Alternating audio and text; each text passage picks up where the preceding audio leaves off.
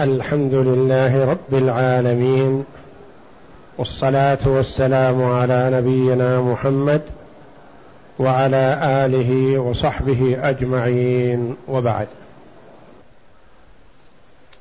تقدم لنا الكلام على باب الحجب.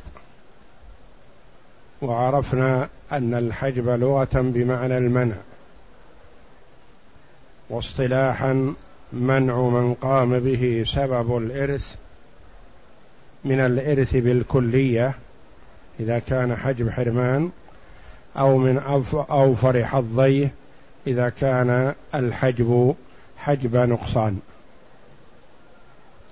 وعرفنا أن الحجب أن أقسام الحجب قسمان. حجب حرمان وحجب نقصان. وأن حجب الحرمان نوعان. حجب بوصف. حجب بوصف. والمحجوب بوصف وجوده كعدمه. وهذا يتأتى على جميع الورثة. فإذا كان الابن المتوفى مسلم والأب موجود كافر فوجود الأب كعدمه محجوب بوصف بكفره. وكذا إذا كان رقيقا وكذا إذا كان قاتلا. فالمحجوب بوصف وجوده كعدمه لا يؤثر على غيره شيئا.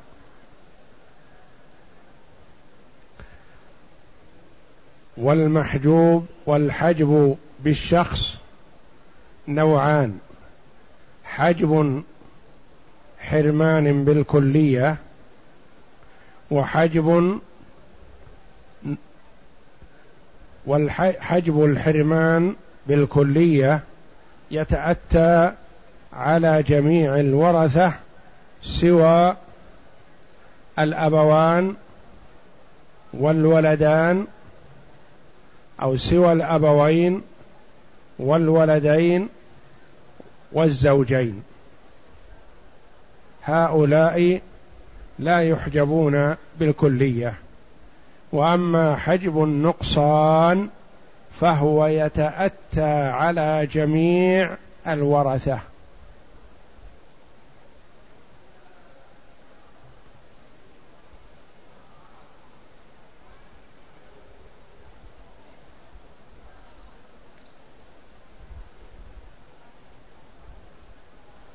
وعرفنا أن حجب النقصان ينقسم إلى سبعة أقسام.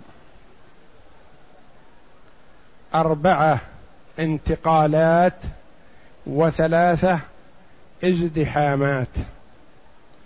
وعرفنا أن الانتقال انتقال من فرض إلى فرض أقل منه.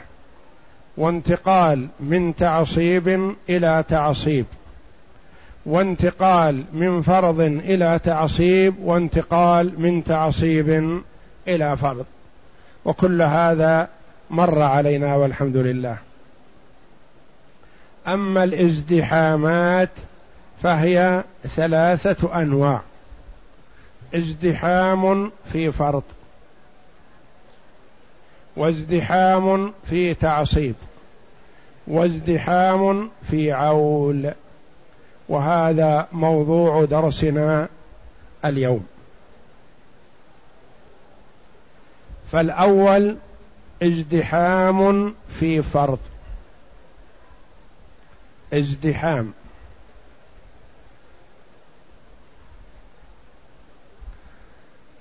أي أنه يجتمع في الفرض الواحد أكثر من واحد. لو كان واحد أخذه ولو كانوا اثنين اشتركوا أو ثلاثة اشتركوا أو أربعة اشتركوا أو أكثر من ذلك. مثال الازدحام في فرض كثير. مثلا الزوجة فرضها مع عدم الولد الربع. ومع الولد ذكرا كان أو أنثى الثمن. إذا كانت واحدة أخذت الربع أو الثمن. أو كانتا اثنتين أخذتاه سواء. أو ثلاث اشتركتا فيه أو أربع اشتركوا اشتركنا فيه. زوجة واحدة تأخذ الربع أو تأخذ الثمن. أربع زوجات يشتركن في الربع أو الثمن. وهذا معنى ازدحام في فرض. وأمثلته كثيرة. مثلا نقول أختان فرضهما الثلثان. إذا كنا عشر أخوات اشتركنا في الثلثين. أخوان لأم فرضهما الثلث. إذا كانوا سبعة إخوة لأم اشتركوا في الثلث. الجدة فرضها السدس. إذا كنا ثلاث جدات اشتركنا في السدس.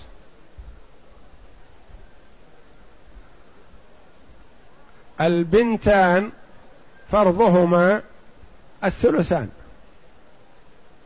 إذا كنا ثمان بنات أو تسع بنات أو عشر بنات اشتركنا في الثلثين.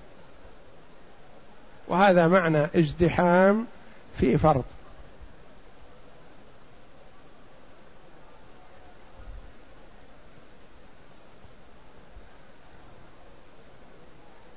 يعني ليس انتقال وإنما هو مشاركة. يعني كأنهم ازدحموا على هذا النصيب. جدة واحدة تأخذ السدس. كنا ثلاث جدات. أم أم أم. وأم أم أب. وأم أبي أب. ثلاث جدات من ثلاث جهات يشتركن في السدس.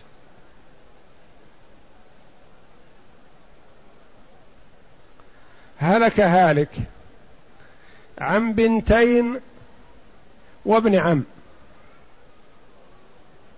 للبنتين الثلثان ولابن العم الباقي.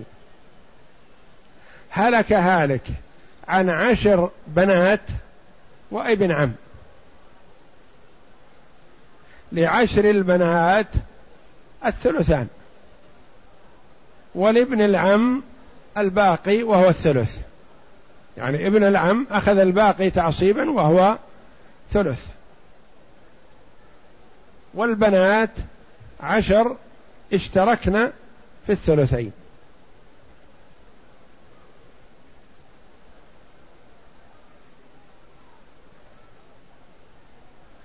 هلك هالك عن أختين لأب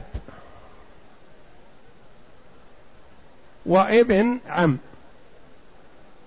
للأختين لأب الثلثان ولابن العم الباقي تعصيبا وهو الثلث. مثال آخر هلك هالك عن خمس عشرة بنت أخت لأب. يكن من زوجات متعددات. لهذه ثلاث ولهذه خمس ولهذه أربع يجتمعن خمس عشرة أخت لأب. وابن عم. للأخوات لأب بالغات ما بلغن لهن الثلثان يشتركن فيه. وللابن العم الباقي تعصيبا وهو الثلث. هذا نسميه ازدحام في فرض. الفرض معلوم غير قابل للزيادة. الثلث للإخوة لأم السدس للجدات الثلثان للبنات أو الأخوات أو بنات الإبن. فمهما بلغنا يشتركن فيه.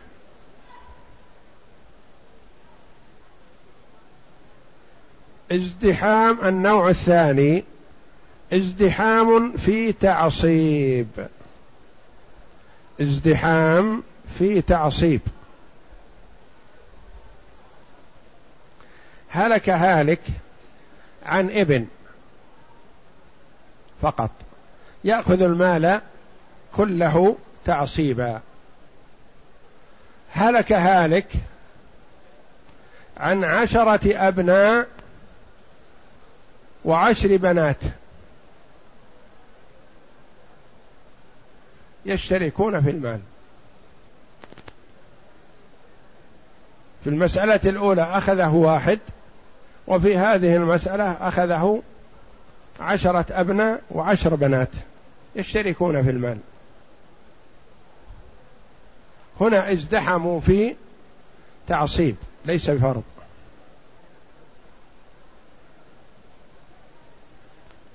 هلك هالك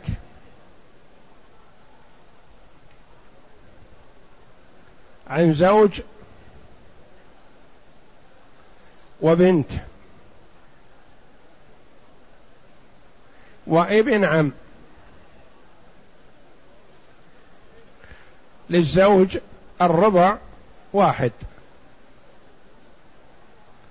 وللبنت النصف اثنان من أربعة ولابن العم الباقي تعصيبا واحد مسألة أخرى على غرارها. هلك هالك عن زوج وبنت وخمسة عشر ابن عم. من أعمام متفرقين لكن درجتهم واحدة. عم له ثلاثة وعم له اثنان وعم له سبعة وهكذا. لكنهم كلهم منزلتهم واحدة. فالباقي واحد يكون لأبناء العم الذين هم الخمسة عشر.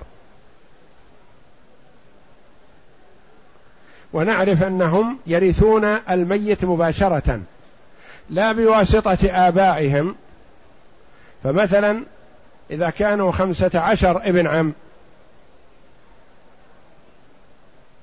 واحد أبوه منفرد وأربعة أبوهم عم آخر. وعشرة أبوهم واحد. يعني من ثلاثة أعمام هؤلاء. عشرة وأربعة وواحد. ولهم الباقي تعصيبا. كيف يرثونه؟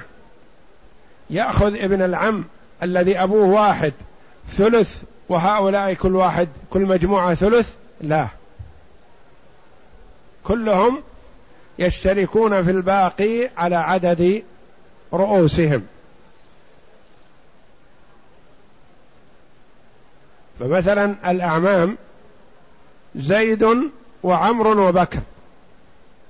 لزيد ولد واحد ولعمر أربعة أبناء ولبكر عشرة.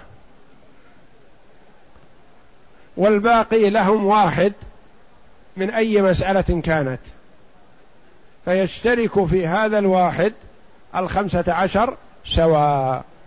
ولا يقال لولد زيد الثلث لأن أبوه واحد وهو واحد لأبيه ولأولاد عمرو أربعة لهم ثلث ولأولاد بكر عشرة. لهم ثلث؟ لا. بل كلهم يشتركون في الباقي على عدد رؤوسهم.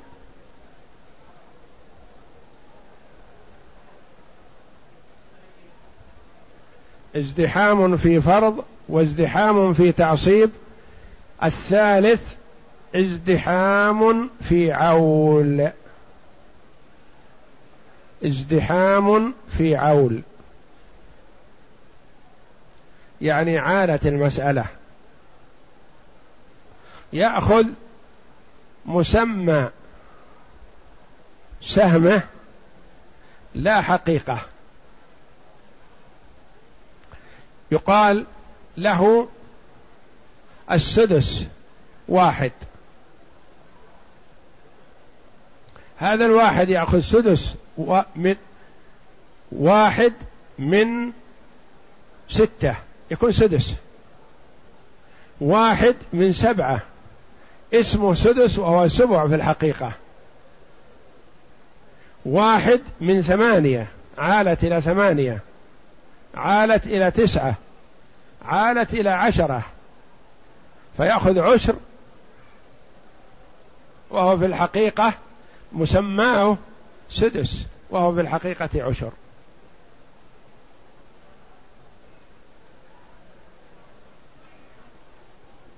ازدحام في عول. هلك هالك عن زوج وأختين شقيقتين. زوج وأختين شقيقتين.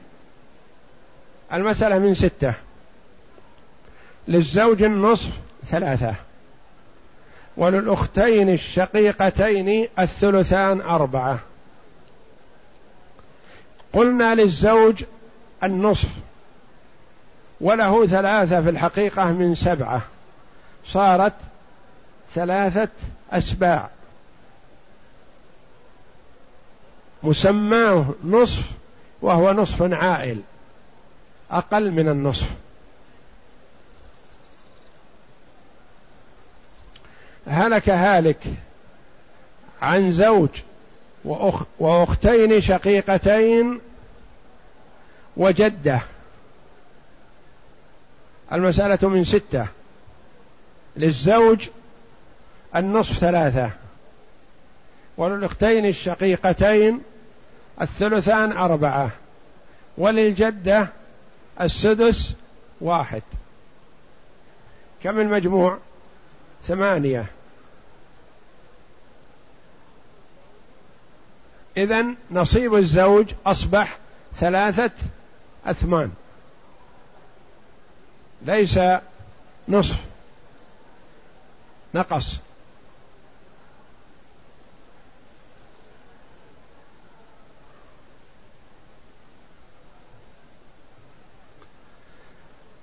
هلك هالك. عن زوج وأختين شقيقتين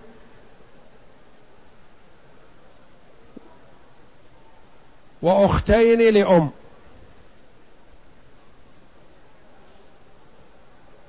المسألة من ستة. للزوج النصف ثلاثة. وللأختين الشقيقتين الثلثان أربعة. وللأختين لأم الثلث اثنان. عالت إلى تسعة. فالزوج أخذ كم؟ ثلاثة من تسعة. قلنا له النصف وهو في الحقيقة لم يعطى إلا الثلث فقط.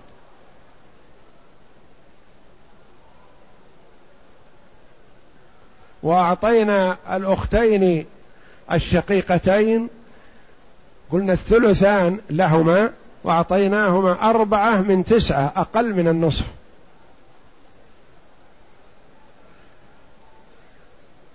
وقلنا للأختين لأم الثلث اثنان وأعطيناهما اثنا اثنين من تسعة يعني أقل من الربع. إلا أنه ثلث عائل.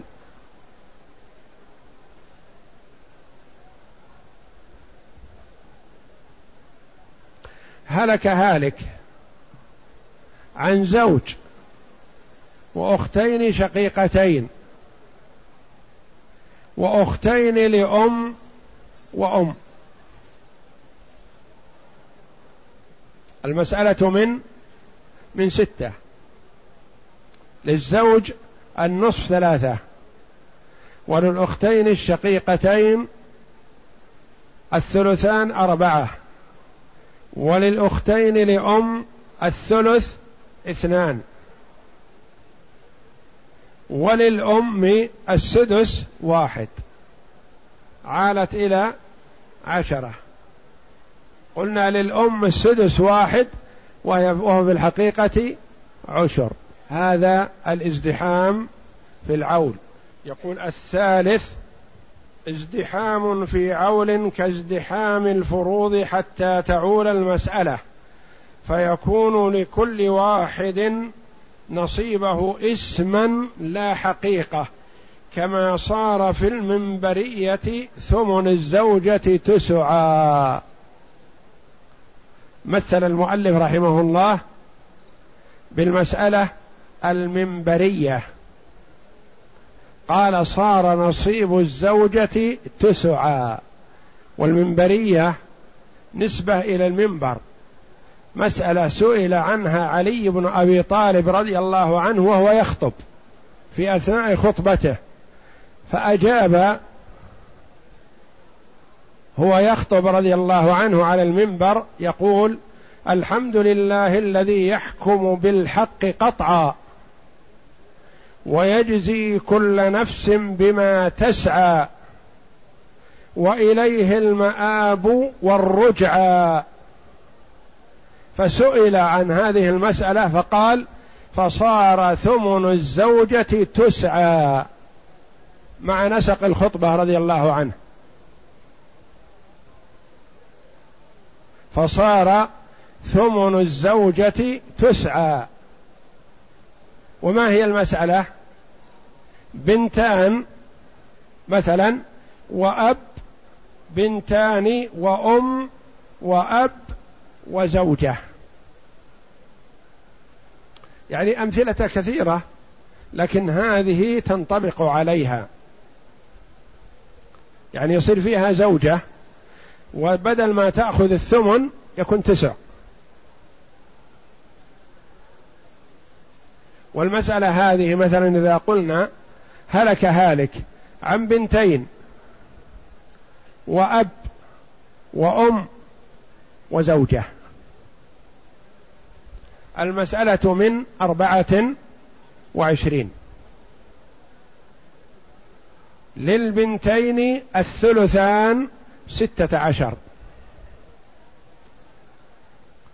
وللأب السدس أربعة. وللأم السدس أربعة. وللزوجة الثمن ثلاثة. كم المجموع؟ إحنا قلنا المسألة من أربعة وعشرين عالت إلى سبعة وعشرين. فإذا صارت الزوجة تأخذ ثلاثة من أربعة وعشرين فهو ثمن حقيقة. لكن إذا أخذت ثلاثة من سبعة وعشرين أصبح تسع.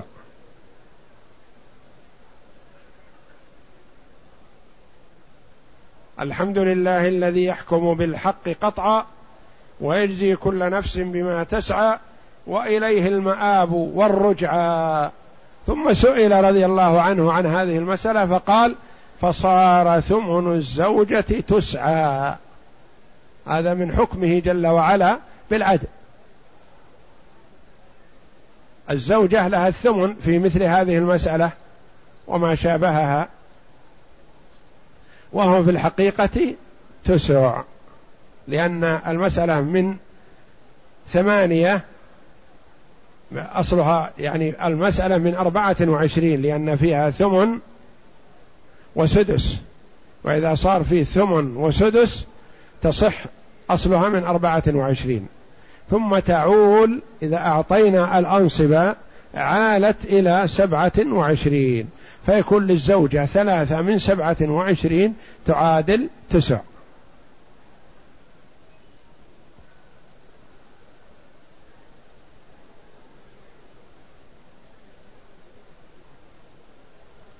فهذه الازدحامات. الازدحامات ازدحام في فرض.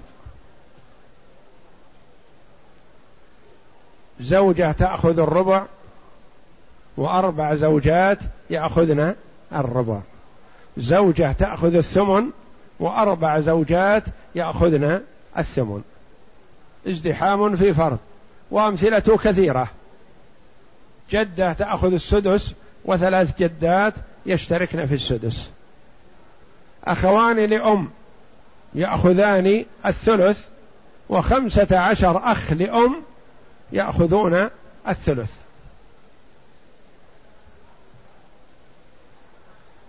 بنتان يأخذن الثلثين. وخمسة عشر بنت يأخذن الثلثين. أختان يأخذن الثلثين. وعشرون أخت من زوجات متفرقة. يأخذن الثلثين.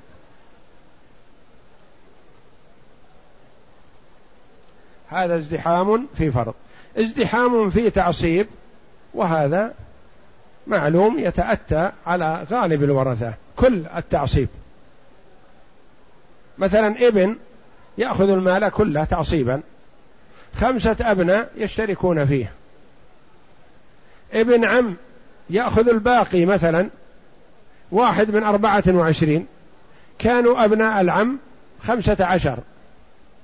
أو كانوا عشرين. يشتركون في الواحد من أربعة وعشرين. وهكذا. ازدحام في عول إذا عالت المسألة. إذا عالت المسألة.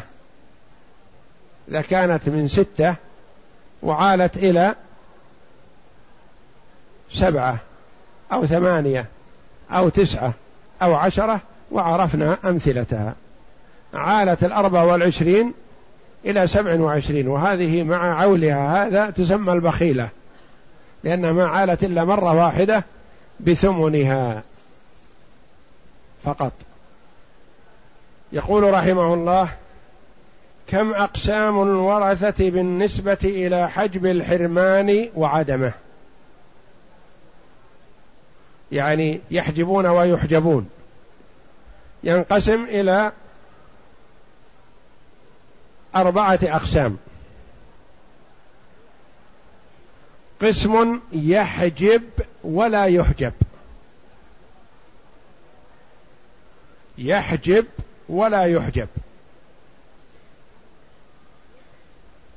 وقسم يحجب ولا يحجب. وقسم لا يحجب ولا يحجب. مسالم. وقسم يحجب ويحجب.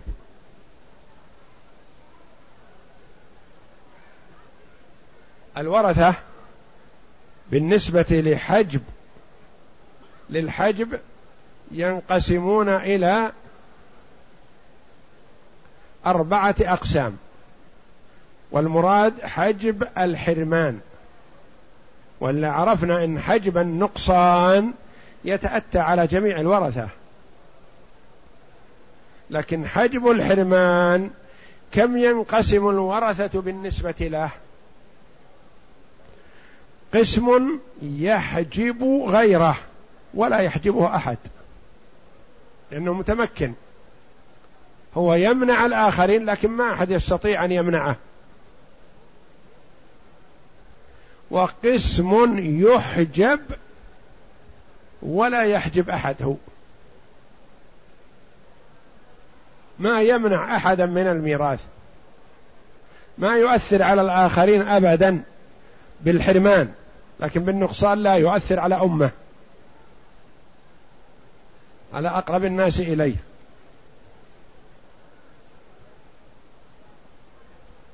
وهذا ضعيف. يمنع وهو ما يستطيع أن يمنع أحد. وقسم لا يحجب ولا يحجب. لا يمنع احدا من الميراث بالكلية ولا أحد يمنعه من الميراث بالكلية. هذا المسالم. والقسم الرابع يحجب ويحجب. يتسلط على من دونه ويتسلط عليه من فوقه. وهذه هي الممكن أن تتأتى لا يتأتى غير هذا. يحجب ويحجب. وإليك الأمثلة.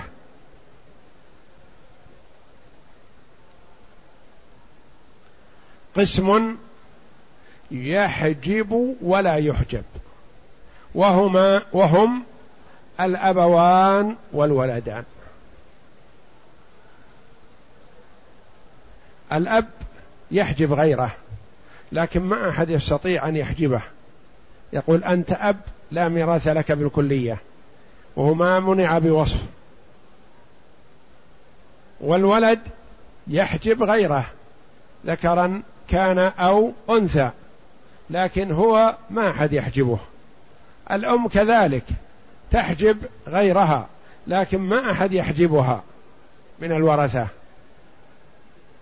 من الذين يحجبون ولا يحجبون؟ وهم الأبوان يعني الأب والأم والولدان الابن والبنت. هؤلاء فقط. هم الذين عندهم قوة ومناعة يحجبون غيرهم ولا أحد يتجرأ أن يحجبهم. النوع الثاني يحجبون ولا يحجبون. شكلها عندك. يحجبون ولا يحجبون وهم الإخوة لأم. ما يقال إن هذا الوارث محجوب بالأخ لأم أبدا. يحجبون حجب نقصان لكن ما يحجبون حجب حرمان ما يحجبون أحد وهم أكثر الأيدي تتسلط عليهم تحجبهم الأب والابن والبنت والجد يحجبون ولا يحجبون. وهم الإخوة لأم. النوع الثالث الذين لا يحجبون ولا يحجبون. وهم الزوجان.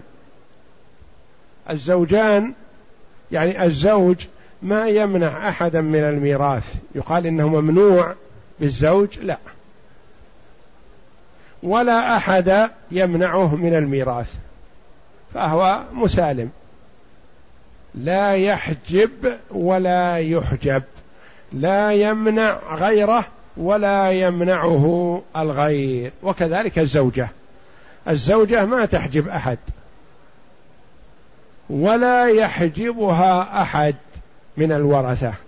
لا يقال هذه الزوجة لا ترث محجوبة بكذا لا.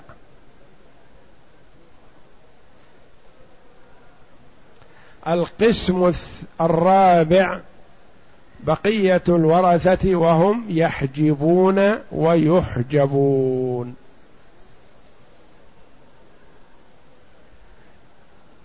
أن قلنا الأبوان والولدان الذين لا يحجبون مثلا ابن الإبن من يحجبه؟ يحجب. يحجبه الإبن.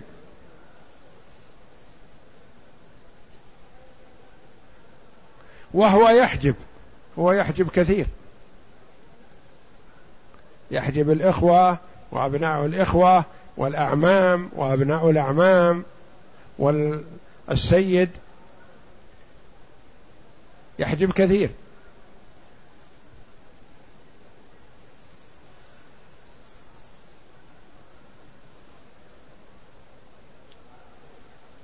العم يحجب ويحجب. العم يحجبه كثير لكن على سبيل المثال الأخ يحجب العم والعم يحجب ابن العم. ابن الأخ يحجبه الأخ ومن فوقه وهو يحجب الأعمام وأبناءهم. وهكذا إذا أقسام الورثة بالنسبة لحجب الحرمان من عدمه أربعة أقسام. الأبوان والولدان يحجبون ولا يحجبون والزوجان لا يحجبون ولا يحجبون والإخوة لأم يحجبون ولا يحجبون وبقية الورثة غالب ومغلوب. يغلب من دونه ويغلبه من فوقه. الجد يحجب أبناء الإخوة والأعمام ويحجب الإخوة على قول ويحجبه الأب.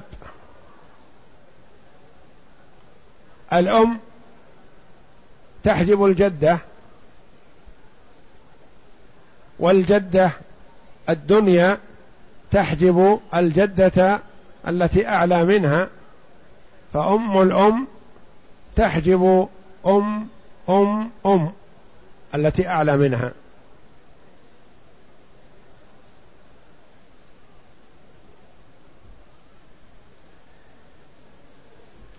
يقول رحمه الله ومدار باب الحجب مبني على القاعدتين المذكورتين في التعصيب. تقدم لنا القاعدتان المذكورتان في التعصيب. صفحة 22 من عدة الباحث.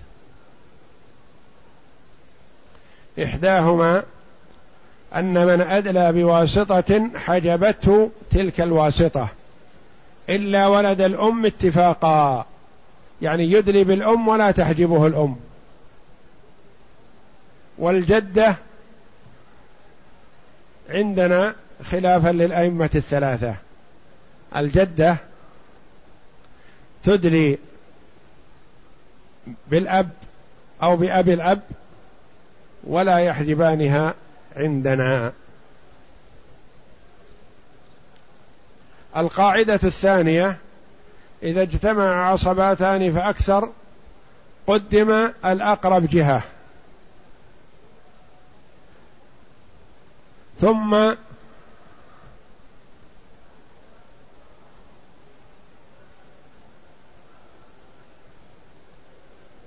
الأقرب درجة. ثم الأقوى. وتقدم لنا الجهات ست. جهة البنوة والأبوة والجدود والأخوة وأبناء الأخوة والعمومة والولاء. ست جهات. فالجهة الأولى ما هي؟ جهة البنوة مقدمة على الأبوة. ثم يليها الأبوة. ثم الجدودة والأخوة. ثم بنو الأخوة ثم العمومة وبنوهم ثم الولاء.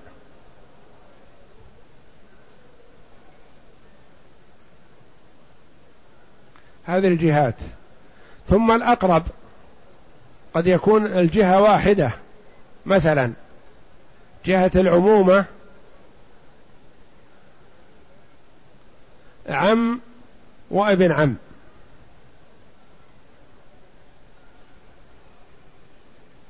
العم يحجب ابن العم لأنه أقرب. ثم إذا استووا في القرب صاروا كلهم مثلا أخ أبوهم واحد لكن أحدهما أقوى أحدهما أخ شقيق والآخر لأب. فالأخ الشقيق يحجب الأخ لأب. ابن أخ هذا ابن أخ شقيق وهذا ابن أخ لأب. جهتهم واحدة ودرجتهم واحدة كلاهما ابن أخ.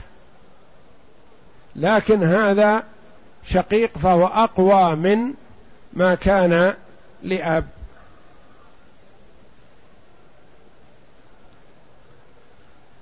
قال ومدار باب الحجب على مبني على قاعدتين المذكورتين في باب التعصيب. فالجد لا يحجبه إلا من؟ الأب. لأنه إذا قلنا هلك هالك عن أب وجد لمن يكون المال؟ للأب. الجد محجوب. وكل جد أبعد يسقط بالجد الأقرب. وإن كانت جهتهم واحدة. أب أبو أب وأبو أبي أب. يعني جد وأبو الجد. لمن المال؟ للجد وأبو الجد لا يأخذ شيئا. والجدات لا يحجبهن إلا الأم. فمثلا هلك هالك عن أم وجدة. الجدة ليس لها شيء. لأن الأم حجبتها الأم تأخذ الثلث أو السدس والجدة لا شيء لها. وكل جدة بعدا تسقط بالجدة التي أقرب منها. مثلا هلك هالك عن أم أم. وأم أم أم. الدرجة الثالثة. المال لأم يعني السدس لأم الأم. وأم أم الأم لا تأخذ شيئا. هلك هالك عن أم أم وأم جد. أم أم وأم جد. السدس لأم الأم وأم الجد لا شيء لها. لأنها محجوبة بالتي أقرب منها. وابن الإبن بدأ من ابن الإبن لأن الإبن لا يحجبه أحد. وابن الابن لا يحجبه إلا من؟ الابن فقط. يعني الأب لا يحجبه. وإنما يحجبه الابن. وكذلك كل ابن ابن أبعد يسقط بابن الابن الأقرب. نعم. هلك هالك عن ابن ابن وعن ابن ابن ابن. أبعد منه. ابن ابن وابن ابن ابن. المال لابن الابن وابن الابن الأبعد يسقط. ويسقط الأخ الشقيق بثلاثة. الأخ الشقيق يسقط بثلاثة. من هؤلاء الثلاثة؟ الابن وابن الإبن والأب. ولا يسقط بالزوج ولا يسقط بالجد لأنه يشترك إياه إلا على القول الآخر بأن الأخ الشقيق يسقط بالجد.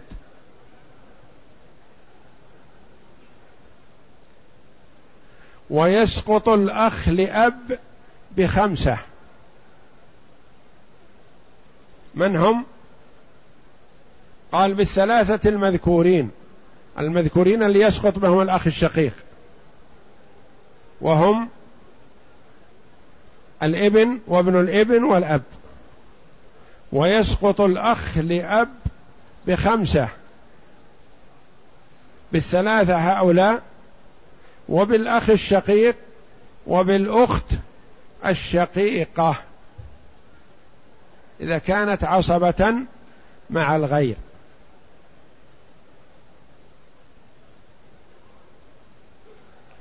وابن الأخ الشقيق يسقط بثمانية. ابن الأخ الشقيق من يسقطه؟ قال ثمانية. من هؤلاء الثمانية؟ الأب والجد والابن. وابن الابن والأخ الشقيق والأخ لأب.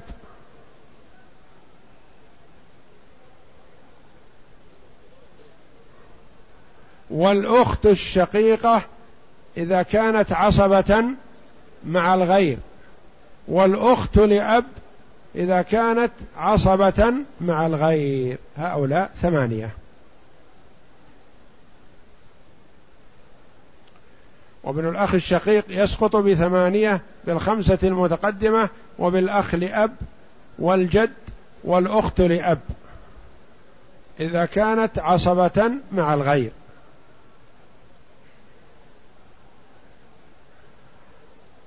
وابن الأخ لأب يسقط بتسعة. ابن الأخ لأب يسقط بتسعة. الثمانية المتقدمين وبابن الأخ الشقيق لأنه وإن كان في درجته في القرب إلا أنه أقوى منه.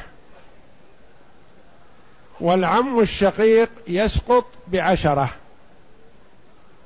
بهؤلاء المذكورين الذين هم التسعة وبابن الأخ لأب أنه أقدم منه جهة. والعم الشقيق العم لأب يسقط بإحدى عشر. بالعشرة السابقين وبالعم الشقيق.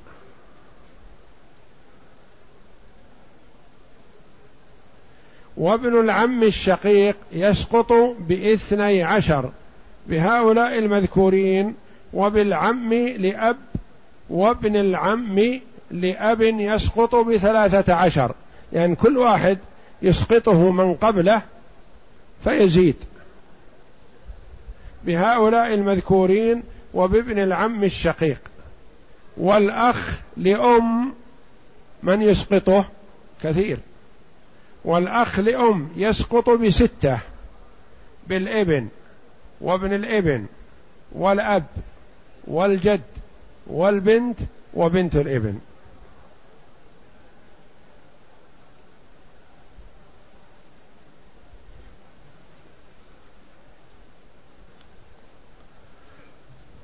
اقسم. هلك هالك. عن عم لأب وابن أخ لأب. عم لأب وابن أخ لأب. المال لابن الأخ لأب ويسقط العم لأب.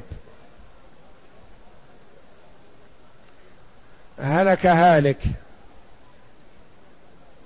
عن أخ لأب وابن أخ شقيق.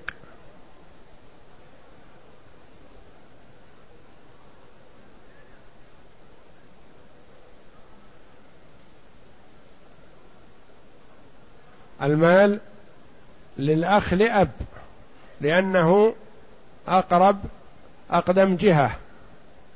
لأن قلنا الأخوة درجة الثالثة من حيث الجهة وبن الأخوة الرابعة.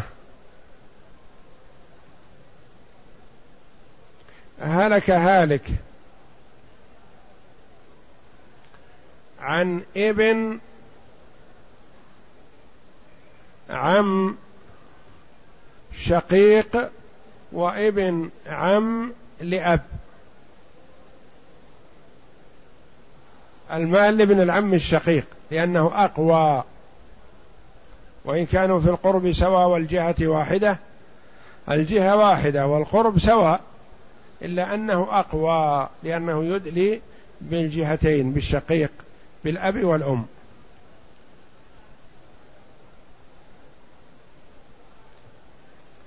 هلك هالك.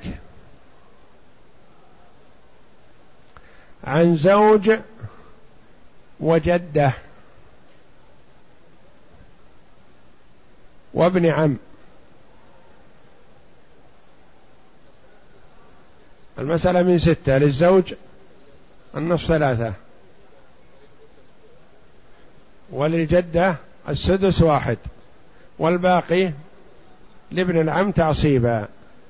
هلك هالك عن زوج وثلاث جدات وابن عم. المسألة من ستة. للزوج النصف ثلاثة وللجدات الثلاث السدس واحد والباقي لابن العم تعصيبا.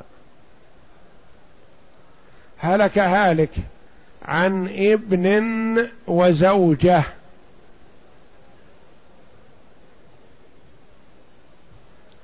المسألة من ثمانية للزوجة الثمن وللابن الباقي سبعة. هلك هالك عن أربع زوجات وخمسة عشر ابن.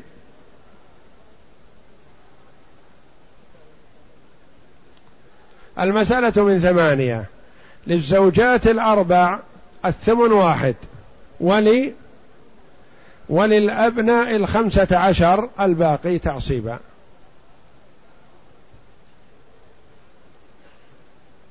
هذه اجتمع فيها ازدحام في فرض وازدحام في تعصيب.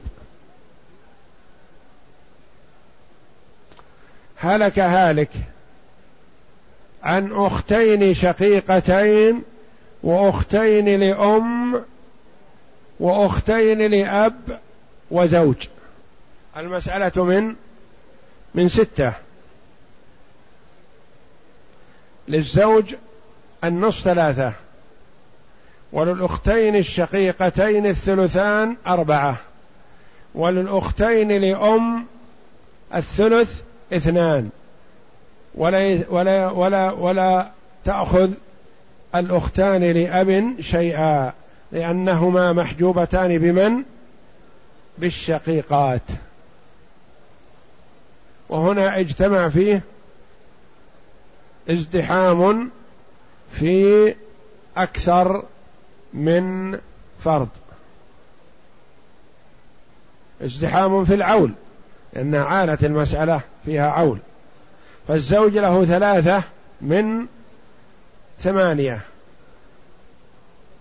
من تسعة. والث... وله ثلاثة من تسعة. والأختان الشقيقتان لهما أربعة من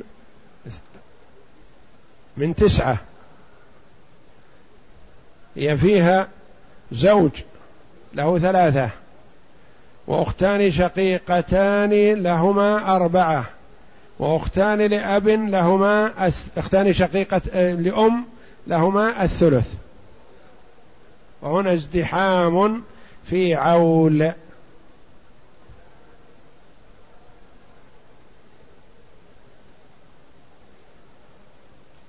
هلك هالك عن ابن ابن عم ومعتق.